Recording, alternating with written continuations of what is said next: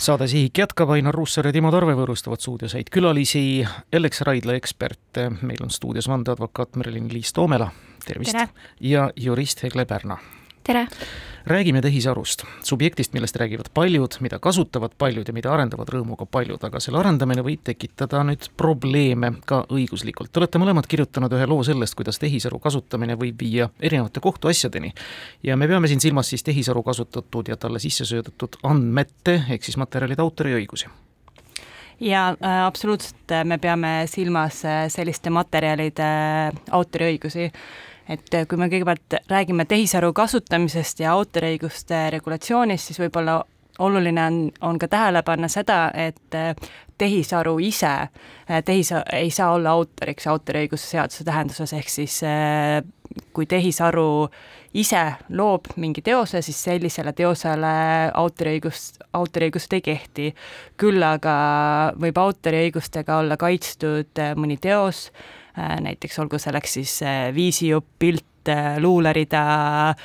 mida tehisaru kasutab sisendinfona, et, et sellest ise luua omakorda mingisugune uus teos või tuletatud teos. ja kui, kui sellise autoriõigusega kaitstud teose kasutamiseks ei ole õigusi, näiteks litsentsi, siis tehisaru kasutades võib, võib siis äh, tekkida olukord, kus, kus me rikume autoriõiguste regulatsiooni vot äh, asi on minu jaoks ikka väga keeruline. me oleme siin saates ka kõnelenud äh, tehisaru abil loodavatest keelemudelitest. Eesti Keele Instituut koondas selle abil korpuseks kokku neli miljardit eestikeelset sõna, et nendeks oleks abi siis ka keelemudeldajatele milliste kohtuasjadega võib siis Keeleinstituut riskida või teeb seda juba siis keelemudeldaja?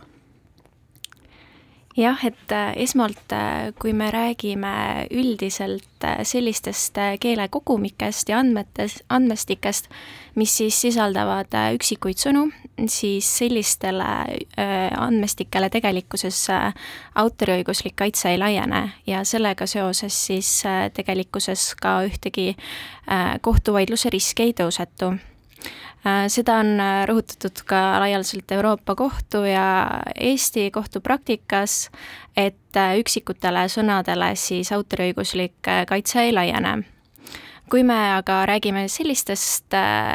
keele Äh, kogumikest, äh, täpsemalt siis andmekogumikest, äh, mis ei sisalda üksnes üksikuid sõnu, siis nende puhul on lugu natukene teistsugune ja iseenesest võib tekkida, kui me võtamegi näiteks siis autoriõigused, siis autoril võib tekkida kahju hüvitamise nõue, näiteks siis keelemudeli arendaja vastu. Halvimal juhul võib see lõppeda ka sellega, et et äh, keelemudeli arendaja peab äh, sootuks siis äh, selle mudeli, mille nad on siis arendanud, hävitama või siis kustutama. ehk siis see sõltubki suurest osast siis sellest, millest need nii-öelda keelekogumikud, keelekorpused koosnevad. Eesti keele sõnaraamat on ikkagi autoriõigusega kaitstud, ma saan aru? no sõnad, üksikud sõnad ei ole, et kui me räägime aga sõnu koondav teos, sõnaraamat no äh, sõnaraamat, kui, kui meil on lihtsalt äh, jah, kui seal on juba autori selles mõttes intellektuaalne panus, et autor on seal sõnu äh, selgitanud, et mida mingi sõna tähendab, siis, äh, siis sellel kogumikul võib, sellele kogumikule tõesti autoriõiguse regulatsioon laieneb, aga kui me võtame üksikud sõnad, ma ei tea, tere, head aega, Mikrofon. raadio, mikrofon mm, -hmm. siis sellised sõnad autoriõigustega kaitstud ei ole. Palun. just, et äh, selle, selle puhul ongi oluline siis nii-öelda see võib-olla äh, selline sõnade kombinatsioon, et peab väljenduma autori loominguline panus ja tahes-tahtmata üksikutest sõnadest ju seda ei väljendu selge, tahtsin tuua Tammsaare näiteks, aga ei saa, sest Tammsaare pealt on autoriõigused juba läinud, sest tema surmast on nii palju aega juba möödunud, eks ole, aga võtame siis, kui ma palun tehisarul teha üks kena kokkuvõttev referaat või kokkuvõte siis näiteks Andrus Kiviräha loomingust, ta teeb selle valmis, ma võtan kätte, avaldan selle Postimehes oma nime all, vaat see on juba kurikarjas, eks ole. ma tõin puust punaseks võib-olla naiivse näite äh,. Tegelikult äh, kas sain õigesti aru, et, et see referaat on siis äh... no mingi kokkuvõte või noh, selline essee või, või, või noh, selline kogumik, mille ma kavatsen siis oma nime all kuskil avaldada, aga tegelikult noh, on selle teinud tehisaru talle sisse söödetud Andrus Kiviräha tekstide näol, noh selline ahel. jah, siis tõenäoliselt äh, ta kasutab äh, Andrus Kivirähu äh,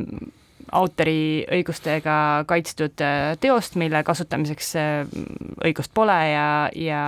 ja jah, seal tekib see risk, et, et me oleme siis äh, Kivirähu autoriõigusi rikkunud. nüüd ongi küsimus, kellele arve esitada kas keelemudeldajale või keelemudeli arendaja ise vist, ma saan aru, on teinud selle osava lükke, et on pannud selle kasutustingimustesse, et ise vastutate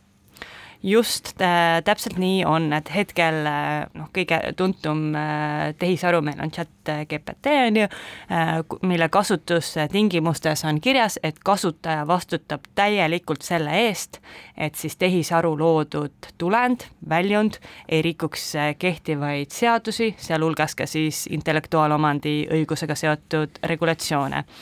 nüüd äh, tegelikult äh, Microsofti Copiloti tingimused on natuke teistsugused. et nendes tingimustes on tegelikult äh, Microsoft andnud äh, sellise kinnituse, millega ta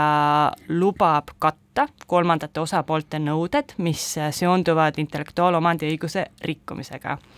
aga see ei ole nii, nii lihtne. et samal ajal need Microsofti kasutustingimused kohustavad kasutajat siis kasutama selliseid as-, asjakohaseid sisufiltreid ja süsteeme, ohutusmeetmeid, et vältida intellektuaalomandi õiguse rikkumine. et kuidas, kuidas see Microsofti lubadus praktikas, millist elu ta elama hakkab, seda, seda me täna ei tea, aga ilmselgelt ei ole ka Microsofti huvides sellise praktika kujundamine, mille, mille järgi ta võtab, võtab kõik nõuded omaks. et tõenäoliselt ikkagi mm, praktika äh, Äh, liigub sinna, et, et vastutus äh, lasub äh, tehisaru teenuse kasutajal. aga, aga oli ka küsimus, et kas selliseid kasutustingimusi tohib koostada üldse. Et tegelikult äh, tohib ikka, et äh, kuigi, kuigi need äh, kasutustingimused ei, ei allu Eesti õigusele, siis õiguslikus mõttes on, on need üldiselt tüüptingimusteks. Need tüüptingimused ja kasutustingimused on siis lepinguks ettevõtte ja ettevõtte teenust ehk siis tehisaru kasutava kasutaja vahel ja, ja need sellised tüüptingimused on, on kehtivad ulatuses, milles need ei ole teise poole jaoks ebamõistlikult kahjustavad. et noh, nüüd siin ilmselt on vaidluse koht, et, et kui tehisaru on, on loodud selliselt, et, et tehisaru arendaja ei ole võtnud mingisuguseid ennetavaid meetmeid selle jaoks, et tehisaru intellektuaalomandi õigusi ei rikuks, et kas siis mingisugune, kas vastutus peaks siiski ka arendajal lasuma, aga et, et see saabki siis olema tulevikus kohtupraktika kujundada, et selliseid vaidlusi kindlasti, kindlasti tulevikus äh, tuleb palju-palju, et, et, et on ka põnev, põnev ka meile endale. no kindlasti on tehisaru puhul seda kasutades, sellest rääkides, seda jälgides, lisaks autoriõigustele veel palju õiguslikke aspekte, ma ei tea, privaatsus, konfidentsiaalsus, kas äh, seda tuleks ka kuidagi hinnata, mõõta, tähele panna? Ja kindlasti, et privaatsus ja konfidentsiaalsus on tehisaru kasutamisel väga olulised küsimused, et eriti kui me kasutame tehisaru oma ärilistel eesmärkidel ja kui me sisestame tehisarusse Äh, mis tahes infot, on see siis konfidentsiaalne või info või isikuandmed, siis äh, tuleb äh, teadvustada ja endale aru anda, et seda infot ja andmeid soovib tehisaru arendav ettevõte ikkagi oma ärilistel eesmärkidel kasutada, milleks on siis eelkõige oma, oma mudelite edasiarendamine ja treenimine ja, ja kui me kasutamegi tehisaru ärilistel eesmärkidel, siis me peame arvestama, et konfidentsiaalse teabe sissesöötmine võib olla äh, konfidentsiaalsuslepingu rikkumine. ja kui me söödame sisse isikuandmeid, siis äh, selle jaoks peab olema ka õiguslik alus, milleks äh, reeglina saab olla asjaomase andmesubjekti ehk inimese nõusolek. Ja siis me peamegi mõtlema, et kas meil on see nõusolek või mingi muu äh,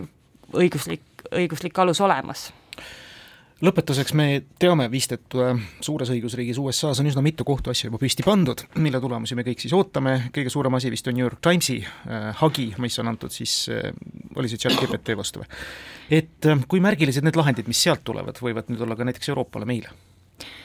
Jah, äh, kahtlemata USA on äh, võtnud sellise juhtiva positsiooni kuidagi tehisintellekti regulatsioone puudutavates aruteludes,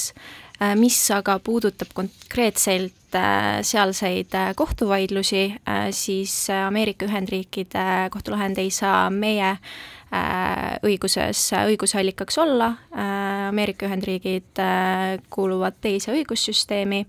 ja õiguslikus mõttes need lahendid si-, seega meil konkreetselt mõju ei oma.